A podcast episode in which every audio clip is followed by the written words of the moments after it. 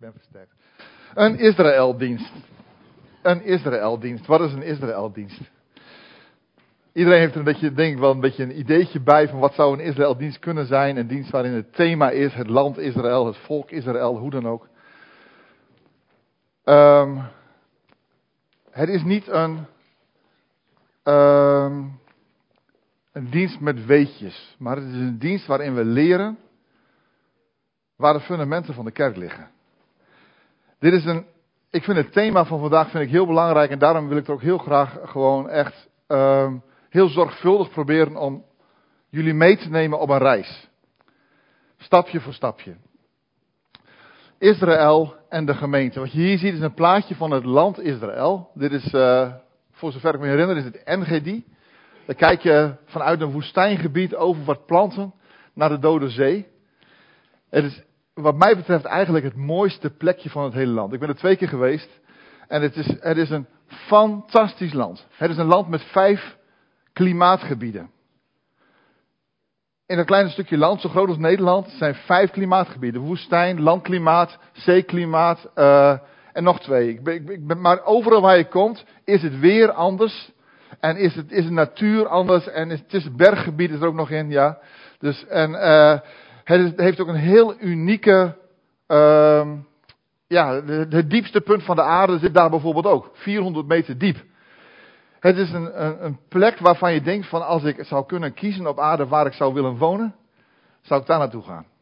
En dat is niet omdat het zo'n mooi vakantieland is, maar omdat het gewoon zo'n fantastische plek is. God noemde het het land overvloeiende van melk en honing.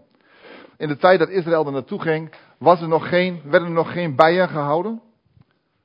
De honing was dus ook de dadelhoning.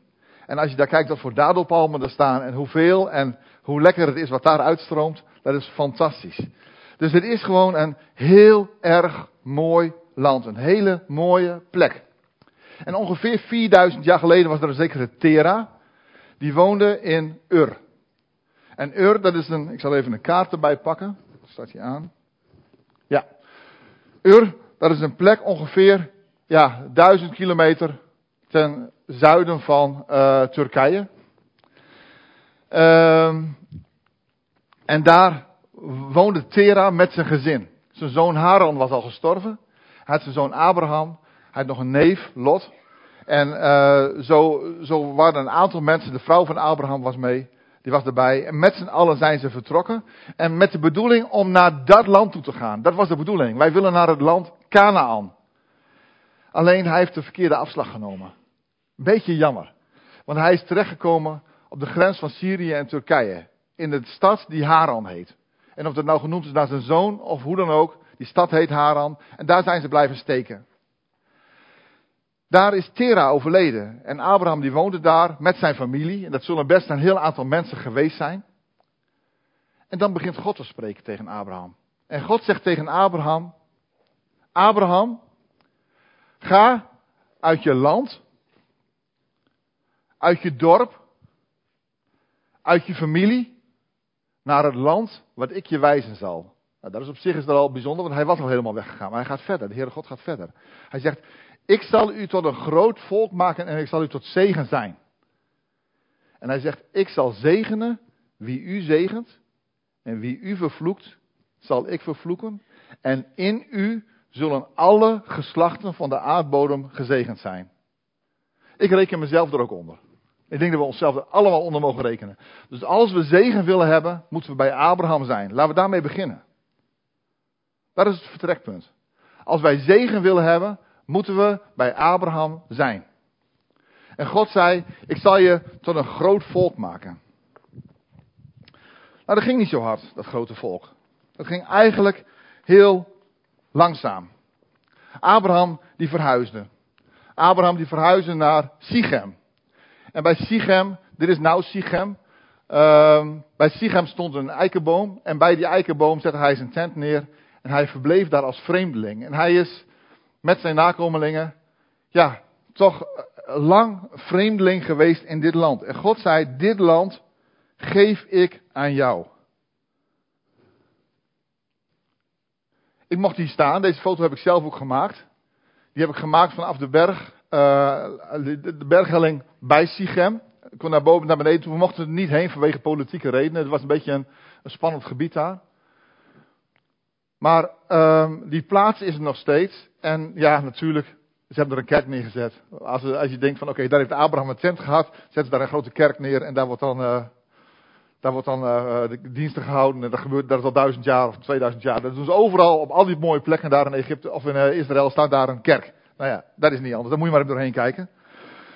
Um, maar God die, die maakt daar een verbond met Abraham. In Genesis 17, vers 7 en 8, daar zegt God, ik zal mijn verbond maken tussen mij, u en uw nageslacht na u, al hun generaties door, tot een eeuwig verbond, om voor u tot een God te zijn en voor uw nageslacht na u. En let op, ik zal aan u en uw nageslacht na u het land waar u als vreemdeling bent, heel het land Kanaal, als een eeuwig bezit geven. Ik zal hun tot een God zijn. Dus God die koppelt zijn zegen aan Abraham. En hij zegt gelijk, en het land hoort er ook bij. Dus dit land, Canaan, op dat moment, is het land wat hoort bij het volk van God, bij Abraham. Um, dan krijgt Abraham, die krijgt een zoon, Ismaël, de oudste. Ismaël is een grote vent, een stoere vent, een dappere vent, een strijder, een jager. Iemand waarvan je zegt van, nou, daar kun je op bouwen, een goede, goede voorvader van een groot volk. Maar God zegt nee, je hebt nog een zoon, Isaac. En Isaac, ja, ik probeer de karakter, ik probeer de karakters te, te, te lezen als ik de Bijbel lees. En het karakter van Isaac vind ik niet zo'n hele sterke, moet ik heel eerlijk zeggen. Want uh, moet je voor jezelf eens nagaan. Hij riep zijn zonen bij zich omdat hij dacht dat hij zou gaan sterven. Hij voelde zich een beetje zwakjes en hij ging uh, op bed liggen om te gaan sterven. Hij riep zijn zonen bij zich om hen te zegenen. En vervolgens maakt die zoon een boel ruzie en er komt een heleboel gedoe. En uh, een van die zonen die vlucht naar uh, Verwegistan, naar Ur der Galdeën in dit geval, daar vlucht hij heen. En hij komt weer terug. 20, 25 jaar later komt hij weer terug. En een heel aantal jaren daarna gaan ze hun vader begraven. Dus er is niet iemand die dacht van, kom op jongens, we hebben nog uh, 30 jaar, we gaan er wat moois van maken. Nee, die ging, die ging, en dat zie je eigenlijk in alles wat hij deed. Het was een redelijk passieve man. Maar God zegt, ik ga mijn verbond door Isaac doen. Dat is de keuze die ik doe. Voor ons niet logisch. Maar voor God wel. Toen kreeg, deze Isaac kreeg twee zonen, Jacob en Esau. En de oudste, Esau, dat was weer zo'n koning. Zo'n man die leider was en die gewoon heel veel kon. Hij kon jagen. Hij kon, nou ja, eigenlijk net zo'n soort Ismaël figuur, zeg maar. En, en die, die Jacob, dat was veel meer een, een, een rustige jongen, een onopvallende jongen. En God zegt, ik ga ook bij deze, ga ik via de tweede. Je moet God niet proberen te beredeneren. Je moet gewoon gehoorzaam zijn en luisteren naar God. Dat is de, de richting die God ging. Nou, God ging verder. En het volk, um, Abraham die, uh, die, uh, die woonde in het land, uh, Isaac woonde in het land, Jacob woonde in het land. Maar ze hadden nog geen vierkante meter. Op een gegeven moment heeft Jacob wel een stukje land gekocht. Maar toen kwam er honger. Toen gingen ze naar Egypte toe. En toen kwamen ze weer terug vanuit Egypte met een groot volk. En gingen ze in het land Canaan, kwamen ze binnen. En ik ga het kaartje er even weer bij pakken. Als je kijkt, ze kwamen hier uh, langs, achter de Jordaan langs. En dan staken ze hier de Jordaan over en kwamen ze weer precies terecht op dezelfde plek bij Sichem. Daar vlakbij zijn twee bergen, de Ebal en de Gerazim. De Ebal, Ebal, dat is de berg, daar gingen een aantal mensen opstaan. En de Gerazim gingen een aantal mensen opstaan. En God vertelde een aantal zegen, of Josia vertelde een aantal zegens vanaf de Gerizim en een aantal duidelijke vervloekingen, zeg maar vanaf de Ebal. Als je God niet gehoorzaamt, dan gaat het fout. Dat werd vanaf de berg de Ebal verteld. Als je God wel gehoorzaamt, dan zal het goed met je gaan. Op die manier heeft God het volk Israël meegenomen in zijn weg. En dit is de plek waar Jozua dat heeft gedaan. Er staat een altaar. Ik kon er ook niet naartoe gaan vanwege politieke redenen. Maar het altaar, daar, is, daar heeft hij uh, dat altaar was eigenlijk verborgen, want je moet je voorstellen, dit is 4000 jaar geleden. En het waait een beetje en er komt wat zand en het blijft bij. Het was een bergje geworden, zeg maar. En je kon er eigenlijk niks meer van zien. Toen was er een, uh, een archeoloog die, die, die, die, die zei van, daar moet wat liggen. En hij heeft een vriend meegenomen. Die vriend was geen, geen volgeling van God. En die, die dacht van, nou ja, we zien wel. En precies zoals het staat in Jozua, zo was het daar. En die man is daardoor tot geloof gekomen. Dat is het verhaal wat, daar, wat daarbij is. Maar het altaar is het dus nog precies zo als toen met de bevestiging van het verbond met Israël. Dit zijn die twee bergen, de Ebal en de Gerazim, waar je dus de ene gedeelte van het volk stond op de ene kant en het andere gedeelte stond op de andere kant. God ging wonen bij het volk. En God die wilde ook het land Israël, dat wilde hij ook als zijn plek hebben.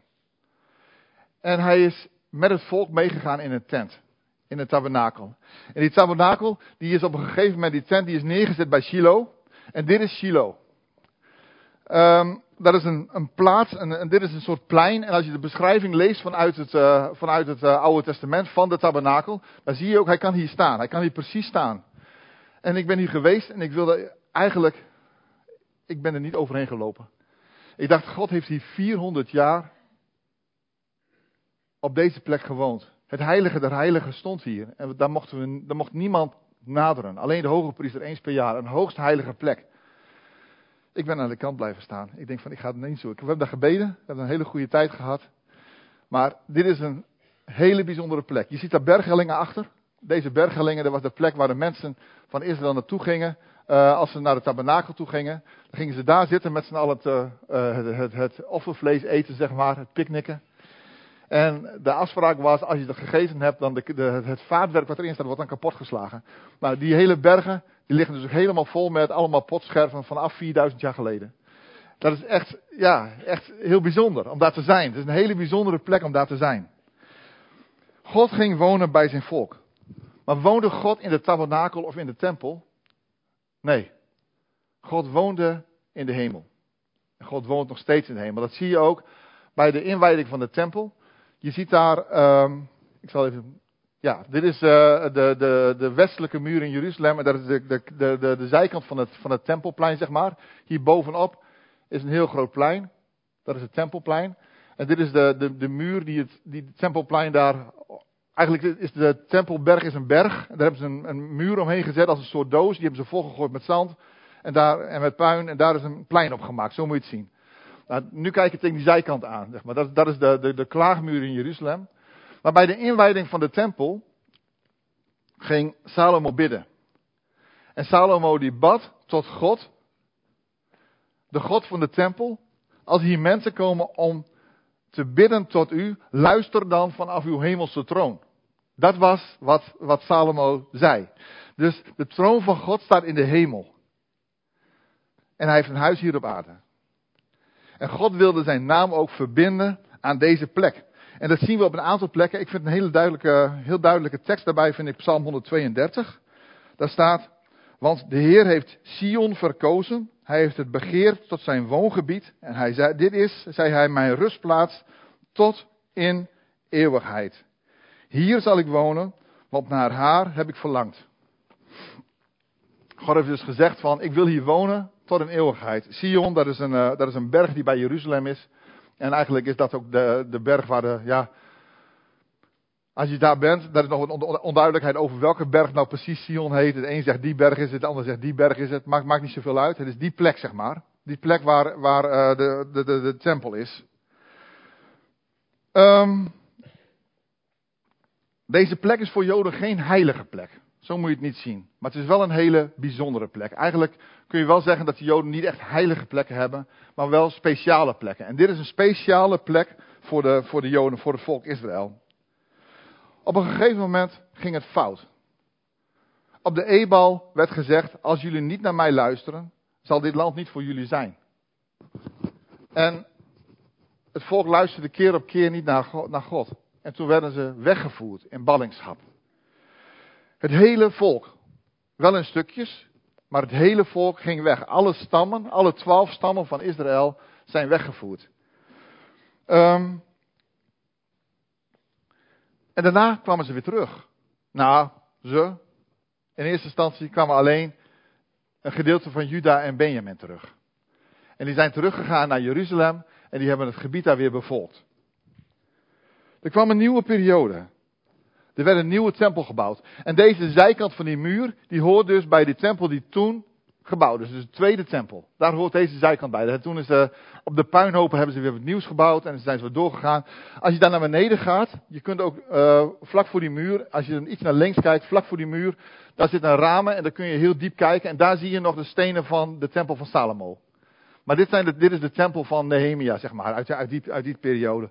Hoe ze dat gedaan hebben, het is, het is eigenlijk voor iedereen volledig onduidelijk. Er zijn stenen bij die zijn zo ongelooflijk groot. Hoe ze die op hun plek gekregen hebben, zonder groot materieel, dat, is, dat moet een megaklus zijn geweest. En het, eh, het, is niet zo dat het ongeveer op zijn plek ligt, maar het ligt ook precies op zijn plek. Het sluit helemaal aan. Het is zo mooi gemaakt. Het is een hele oude muur en je kunt zien dat het heel oud is. Maar je kunt ook zien dat hij niet zomaar omvalt. Het is echt heel bijzonder. Um, in eerste instantie kwamen dus alleen Juda en Benjamin terug en die hebben de tempel gebouwd.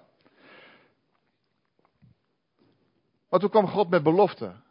En die belofte was, het gaat niet zo blijven. De profeet Ezekiel, die had een aantal profetieën. In Ezekiel 37 wordt geprofeteerd over de, het dal van het dorre doodsbeenderen. En in dat dal van de dorre doodsbeenderen, Bram die heeft hem een aantal keren genoemd de afgelopen weken, want hij kwam terug in onze weekend van vasten en bidden. Daar kwam hij een aantal keren terug. Maar die profetie gaat over het volk Israël wat weer helemaal tot leven komt. Helemaal tot leven. En niet één stam, niet twee stammen, maar alle stammen komen weer, komen weer terug. En die komen weer terug op die plek. Dat is wel een bijzondere profetie, een hele bijzondere. Maar er staat dat het gaat gebeuren. In Ezekiel 47 en 48 wordt gesproken over de tempelbeek. En de tempelbeek, dat is een, dat is, uh, er wordt een tempel beschreven in Ezekiel. En die tempel die, die uh, van onder de drempel van die tempel komt een heel klein stroompje. En die wordt dieper en dieper. En die gaat naar het oosten toe. En die komt dan uit bij de Dode Zee. En de Dode Zee, ik, heb ik voor mij ook een plaatje bij van bij me. Ja, kijk. dat ben ik. Met die pet op. de Dode Zee is echt dood. Ik ben hier samen met, uh, met, met, drie, met drie andere voorgangers. Ben ik, die, hier, ik weet nog dat we erheen gingen. En toen zei de, de, de, de, gids die zei van. In de Dode Zee kun je niet zwemmen.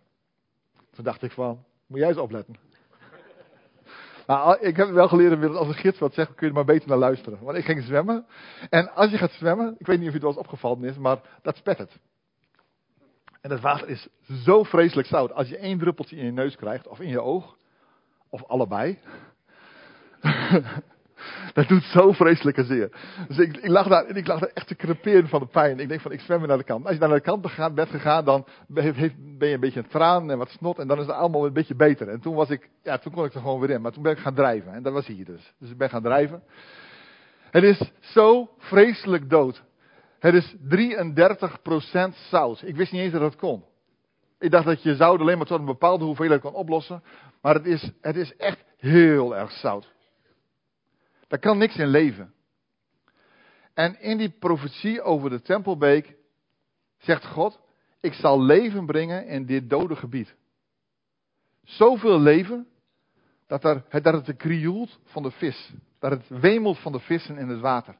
Dat er sleepnetten langs de kant staan. Ik dacht bij mezelf, weet je, Stel je voor dat er heel veel water heen naartoe stroomt en dat, je, dat, die, dat het meer een beetje, uh, minder zout wordt en dat er wat vissen kunnen zwemmen. Dan ga je in ieder niet over de bodem heen krabben, want dan is het allemaal zout en dan wordt het weer zouter. Nee, het gaat over sleepnetten. Sleepnetten. En die sleepnetten die staan aan de kant te drogen en die worden daar gebruikt. Er wordt zo, zoveel leven zit erin. Dat is wat God belooft. En hij zegt erbij, het volk Israël zal helemaal weer terugkomen in het land wat bij hen hoort. Hele bijzondere profetie. Helemaal. Omdat het ook gebeurt. Toen was alleen Juda en Benjamin wat terugkwam. Maar inmiddels zijn bijna alle stammen weer terug. In 1948 was er een groep mensen in Ethiopië, ehm, echte Ethiopiërs, die het Pesachfeest vierden, met z'n allen. Elk jaar weer opnieuw. En bij het Pesachfeest is één zinsnede volgend jaar in Jeruzalem. Toen dachten ze van, laten we dat eens doen. Laten we volgend jaar, volgend jaar naar Jeruzalem toe gaan. Dus we zijn er na het Pesachfeest zijn een aantal mensen die zijn op reis gegaan en die kwamen weer terug. Ze konden het niet vinden. En het jaar erop zijn ze weer gegaan. En ze kwamen in Jeruzalem. En ze kwamen tot de conclusie, wat bijzonder dat er ook witte Israëlieten zijn. Dat was de stam, stam Dan. De stam Dan die je in het boek Richteren ziet verdwijnen uit het volk Israël. Die is teruggekomen. Je, voor een groot deel. Die is weer vertegenwoordigd onder de, onder de Israëlieten. De stam Manasse. Die is teruggevonden uit India. En eigenlijk is het hele volk, alle stammen, zijn inmiddels weer uh, vertegenwoordigd in het land. Dus datgene wat God gezegd heeft, datgene wat God beloofd heeft aan de profeet Ezekiel, of door de profeet Ezekiel, dat gebeurt gewoon. En weet je, ik kan je erbij vertellen, dit is onmogelijk. Want wie van jullie weet of hij een Fries, een Frank of een Saks is? Dat weten we gewoon niet. Wij weten onze afkomst niet verder als 300 jaar geleden. En daar heb je het heel goed uitgezocht. Wij weten het niet. Um, het, is voor ons eigenlijk. Uh, ja, zijn we Angelsaksisch? Zijn we. Ja, we weten het. En alles, dat gaat allemaal door elkaar heen lopen.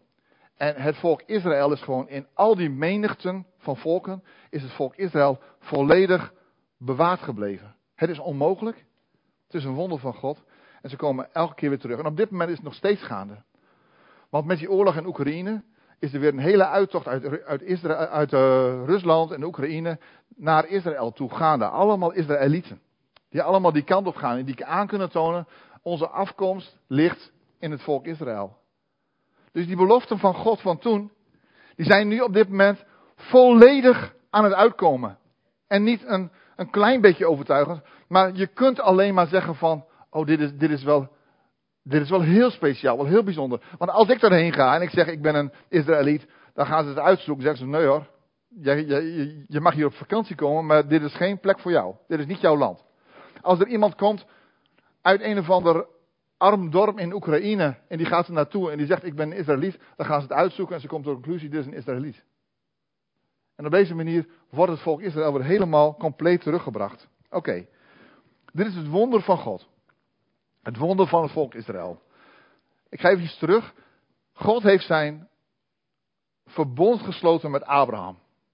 God heeft zijn verbond gesloten met Isaac, met Jacob, met het volk Israël. Een eeuwig verbond. God heeft gezegd: Ik zal zegenen wie u zegent. En wie u vervloekt, zal ik vervloeken. En in u zullen alle geslachten van de aardbodem gezegend zijn. Goed. Wij willen bij God horen. Wij horen bij God. Maar hoe, hoe krijgt dat nou handen en voeten? Wat is nou de link met de gemeente? Wat is de link hier tussen? Nou, die link die zien we heel duidelijk in Romeinen 11. Daar wordt gesproken over een olijfboom. En, um, kijken nog, heb ik hem? Ja, olijfboom. Ik begin even vers 17 tot vers 24. Daar staat, als nu enige van de takken afgerukt zijn en u, die een wilde olijfboom bent, en u, dat gaat over de gemeente, over ons als, als, uh, als niet-Israëlieten, zeg maar. U die een wilde olijfboom bent, in hun plaats bent geënt, en mededeel hebt gekregen aan de wortel en de vettigheid van de olijfboom, beroem u dan niet tegenover de takken. En als u zich beroemt, u draagt de wortel niet, maar de wortel draagt u. U zult dan zeggen, de takken zijn afgerukt opdat ik zou worden geënt. Dat is waar. Door ongeloof zijn ze afgerukt en u staat door het geloof. Heb geen hoge dunk van uzelf, maar vrees. Want als God de natuurlijke takken niet gespaard heeft, dan is het ook mogelijk dat hij u niet spaart.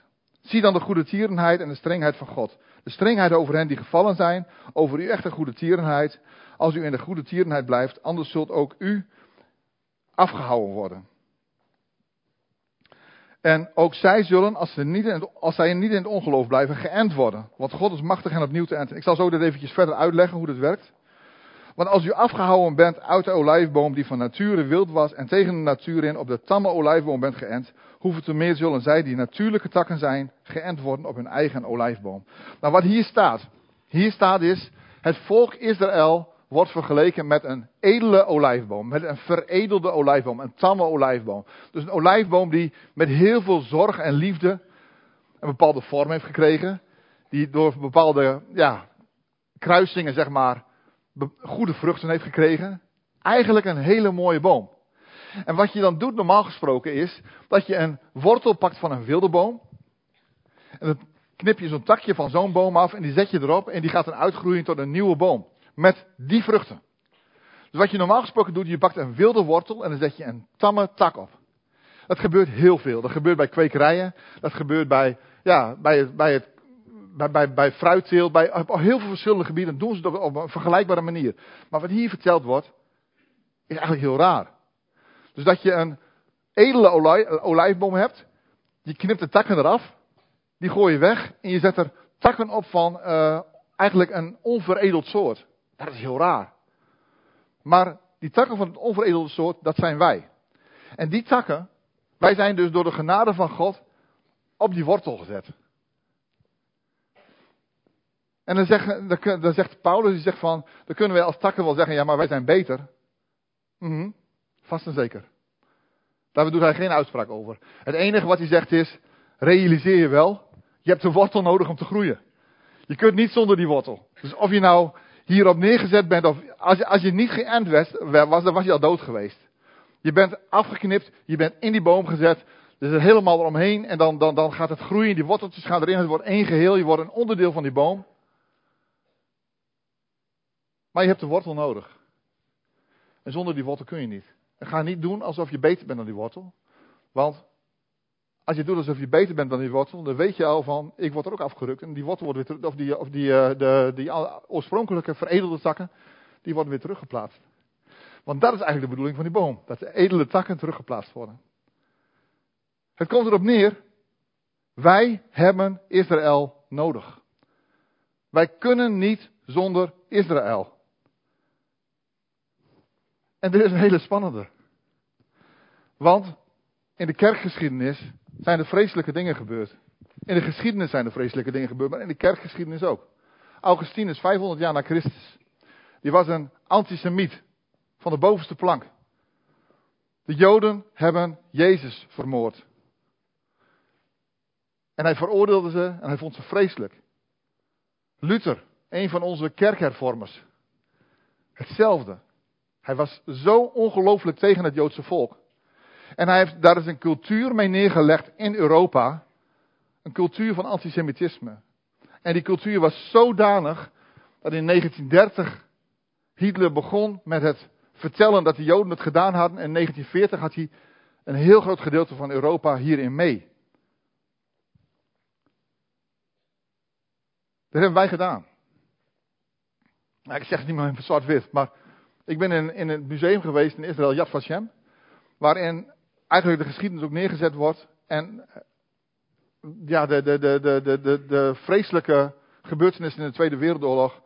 Zes, zes, meer dan 6 miljoen Joden zijn er vermoord. En dat is gebeurd omdat het kon. En de wortels daarvoor liggen in de kerk. Wij hebben ons verzet tegen de edele olijfboom. We hebben gezegd, we hebben hem niet nodig. Wat gebeurd is, het Joodse volk is hier grotendeels verdwenen. Ik heb gezocht naar de synagogen. Ik heb eh, in de hele provincie is er op dit moment één synagoge in Groningen die zo nu en dan een dienst heeft. En uh, ja, dat zijn enkele tientallen mensen. Uh, misschien moet ik er eens een keer naartoe gaan. Ik heb er eigenlijk wel zin in om een keertje op een zaterdag erheen te gaan. En gewoon daar te zijn met hun. Te zijn met de, met de, met de Israëlieten. Het, het lastige vind ik hierbij, er, is, er zit een spanning. En de spanning is, veel Joden erkennen Jezus niet als hun redder en verlosser. Toen ik voor de eerste keer in Israël ben geweest, toen heb ik daar een rabbijn leren kennen. En ik heb contact met hem gehouden en ik heb veel van hem geleerd. Op een gegeven moment, iemand uit de gemeente waar ik toen lid was, die kwam naar me toe en die zei van, ik weet niet waarom ik het moet zeggen, maar ik geloof dat God tegen jou wil zeggen, een belangrijke leraar van jou volgt Jezus niet en stopt daarmee. Ik wist direct wat hij bedoelde. Hij wist het zelf niet, maar ik wist het wel direct. En ik heb, gewoon, ik heb toen ook gewoon op dat moment uh, met hem uh, over gehad van ik ga je colleges niet meer volgen. Maar ik heb wel contact met hem gehouden. En ja, op een gegeven moment was hij ziek. Hij was ziek. En wat doe ik als iemand ziek is? Dan ga ik met hem bidden. En ik heb tegen hem gezegd van, kan ik eigenlijk wel met je bidden? Ik, dat moet je je voorstellen. Iemand die zijn hele hart en ziel, zijn hele leven heeft, ge, heeft gegeven om God te volgen. De God van Israël. Hij was een Israëliet. En ik vroeg aan hem, kan ik wel met je bidden? Want ik volg Jezus en hij niet. En hij zegt, als jij een volgeling bent van de God van Israël, mag je met mij bidden tot de God van Israël. En hij zegt, waar, waarvoor kan ik voor jou bidden? En hij, ik noemde maar een paar dingen. Hij heeft voor mij gebeden en ik heb voor hem gebeden. Maar ik heb niet afgesloten met in de naam van Jezus. Wat is onze taak naar het volk van Israël toe? Moeten we hem bekeren? Ik weet het niet. Er staat in hetzelfde gedeelte van Romeinen staat dat er een verharding over het volk is gekomen. Op het moment dat je daar komt en je begint over Jezus, dan sta je gelijk haaks tegenover elkaar. Je staat echt lijnrecht tegenover elkaar. Je maakt geen verbinding. Moeten we ze lief hebben? Ik denk het wel. Ik weet het wel zeker. Dat is wat wij mogen doen. Wij mogen hen lief hebben van ganser hart. We mogen verbinding maken. Verbinding maken met de mensen, met de cultuur, met het land. Want God vindt het land belangrijk. God vindt die mensen belangrijk. En God heeft tegen ons gezegd: jullie als gemeente bestaan omdat zij bestaan. En nu is het hele volk bijna weggevaagd en de gemeente verdwijnt. Uh -uh, wat raar. Eigenlijk is het helemaal niet zo raar. Dat de gemeente zo klein aan het worden is. Wij mogen Israël zegenen. En God zegt, ik zal zegenen wie u zegent. Dat mogen we doen. Dat is onze opdracht. En op die manier zou ik ook heel graag Israël um, willen, uh, willen zegenen. Weet je, toen ik in Israël was voor de eerste keer, toen heb ik daar ook uh, kennis gemaakt met Lea Farkas. En Lea was een, uh, is een dame, ongeveer mijn leeftijd een pruik op. Dat, is, dat valt daar in de traditie. Dus de vrouwen mogen daar niet met onbedekt hoofd, maar ze wilden liever uh, geen hoed op hebben. Dus scheren ze hun haar af en zetten een pruik op, dan hebben ze geen onbedekt hoofd. Ja, dat is. Dat, Oké, okay, denk je van. Laat maar, goed. Maar goed, zij was, uh, zij was een Portugese Jood. En uh, dan denk je bij jezelf, nou, die, is, die woonde in Oporto en die is van Oporto naar uh, Jeruzalem verhuisd.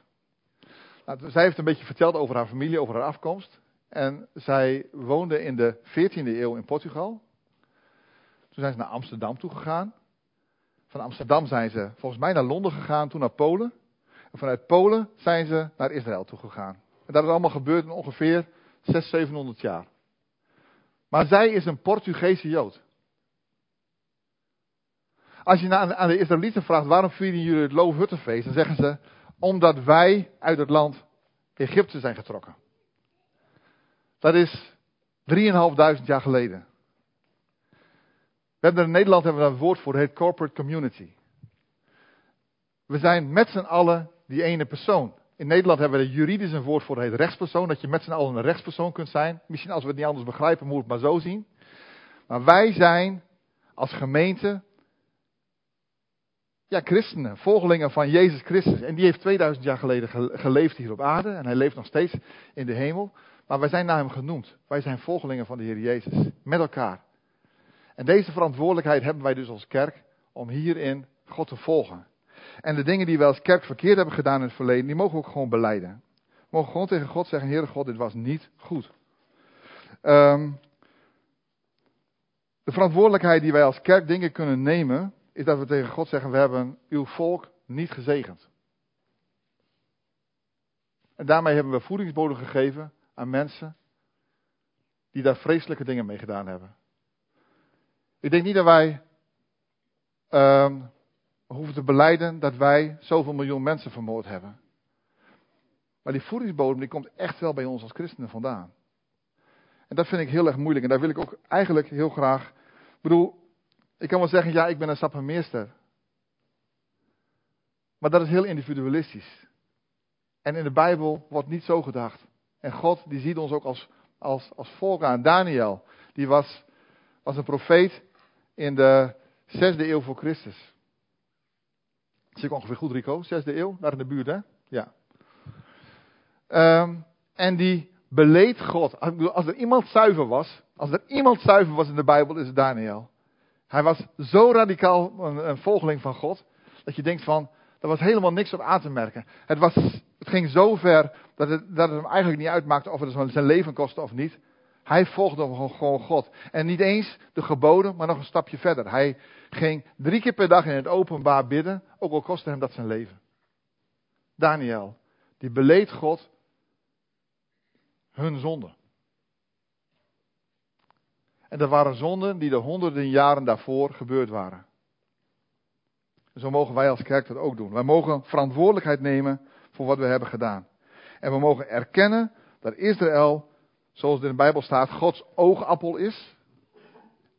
Oftewel, God is daar heel zuinig op. God wil heel graag dat het goed met ze gaat. Uh, we mogen erkennen dat God Israël een speciaal plekje gegeven heeft. Op een speciale plek. En we mogen Israël zegenen. En ik zou graag voor willen gaan in gebed.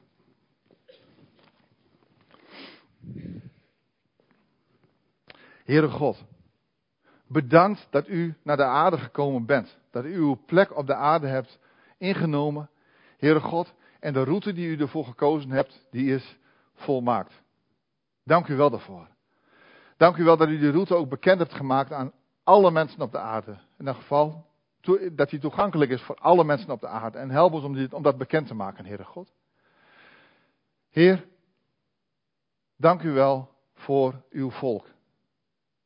Dank u dat u uw verbond sloot met Abraham, met Isaac, met Jacob. Met de twaalf zonen van Jacob. En, Heere God, dank u wel dat u uw volk Israël een speciale plek gegeven hebt in het land Israël. Dank u wel, Heere God, dat u ons het, ja, het voorrecht gegeven hebt dat wij geënt mogen worden op de stam, op Israël. En we brengen onszelf zo voor uw troon, Heere God. We hebben onszelf verheven. We hebben aangegeven dat wij wel zonder Israël zouden kunnen. Terwijl u aangeeft van je hebt ze nodig. En we bidden u, help ons om te,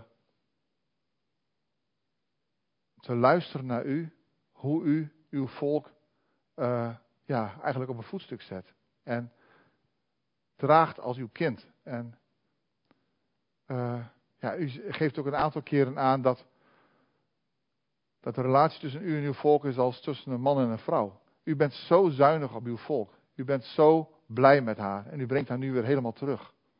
Heere God, en wij erkennen dat wij gezegd hebben dat we wel zonder u kunnen. En we beleiden u, Heere God, dat wij niet anders kunnen als met u en met uw volk. We eren u en we aanbidden u. Want u bent heilig, u bent goed. U bent hoog verheven, vol van kracht. U hebt de hemel en de aarde gemaakt. U hebt ons gemaakt. En nu mogen wij bij elkaar en bij u horen door uw volk Israël. Wijs ons hierin ook onze weg, Heere God.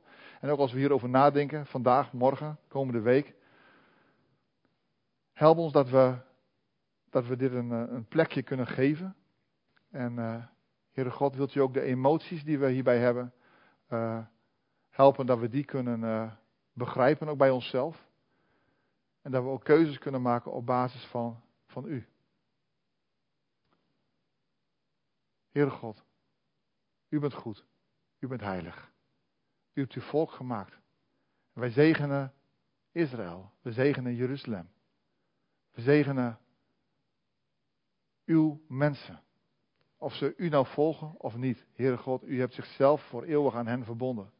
En daarvoor bedanken we u. Daarvoor eren en aanbidden we u. U bent goed. U bent heilig. Halleluja. Amen.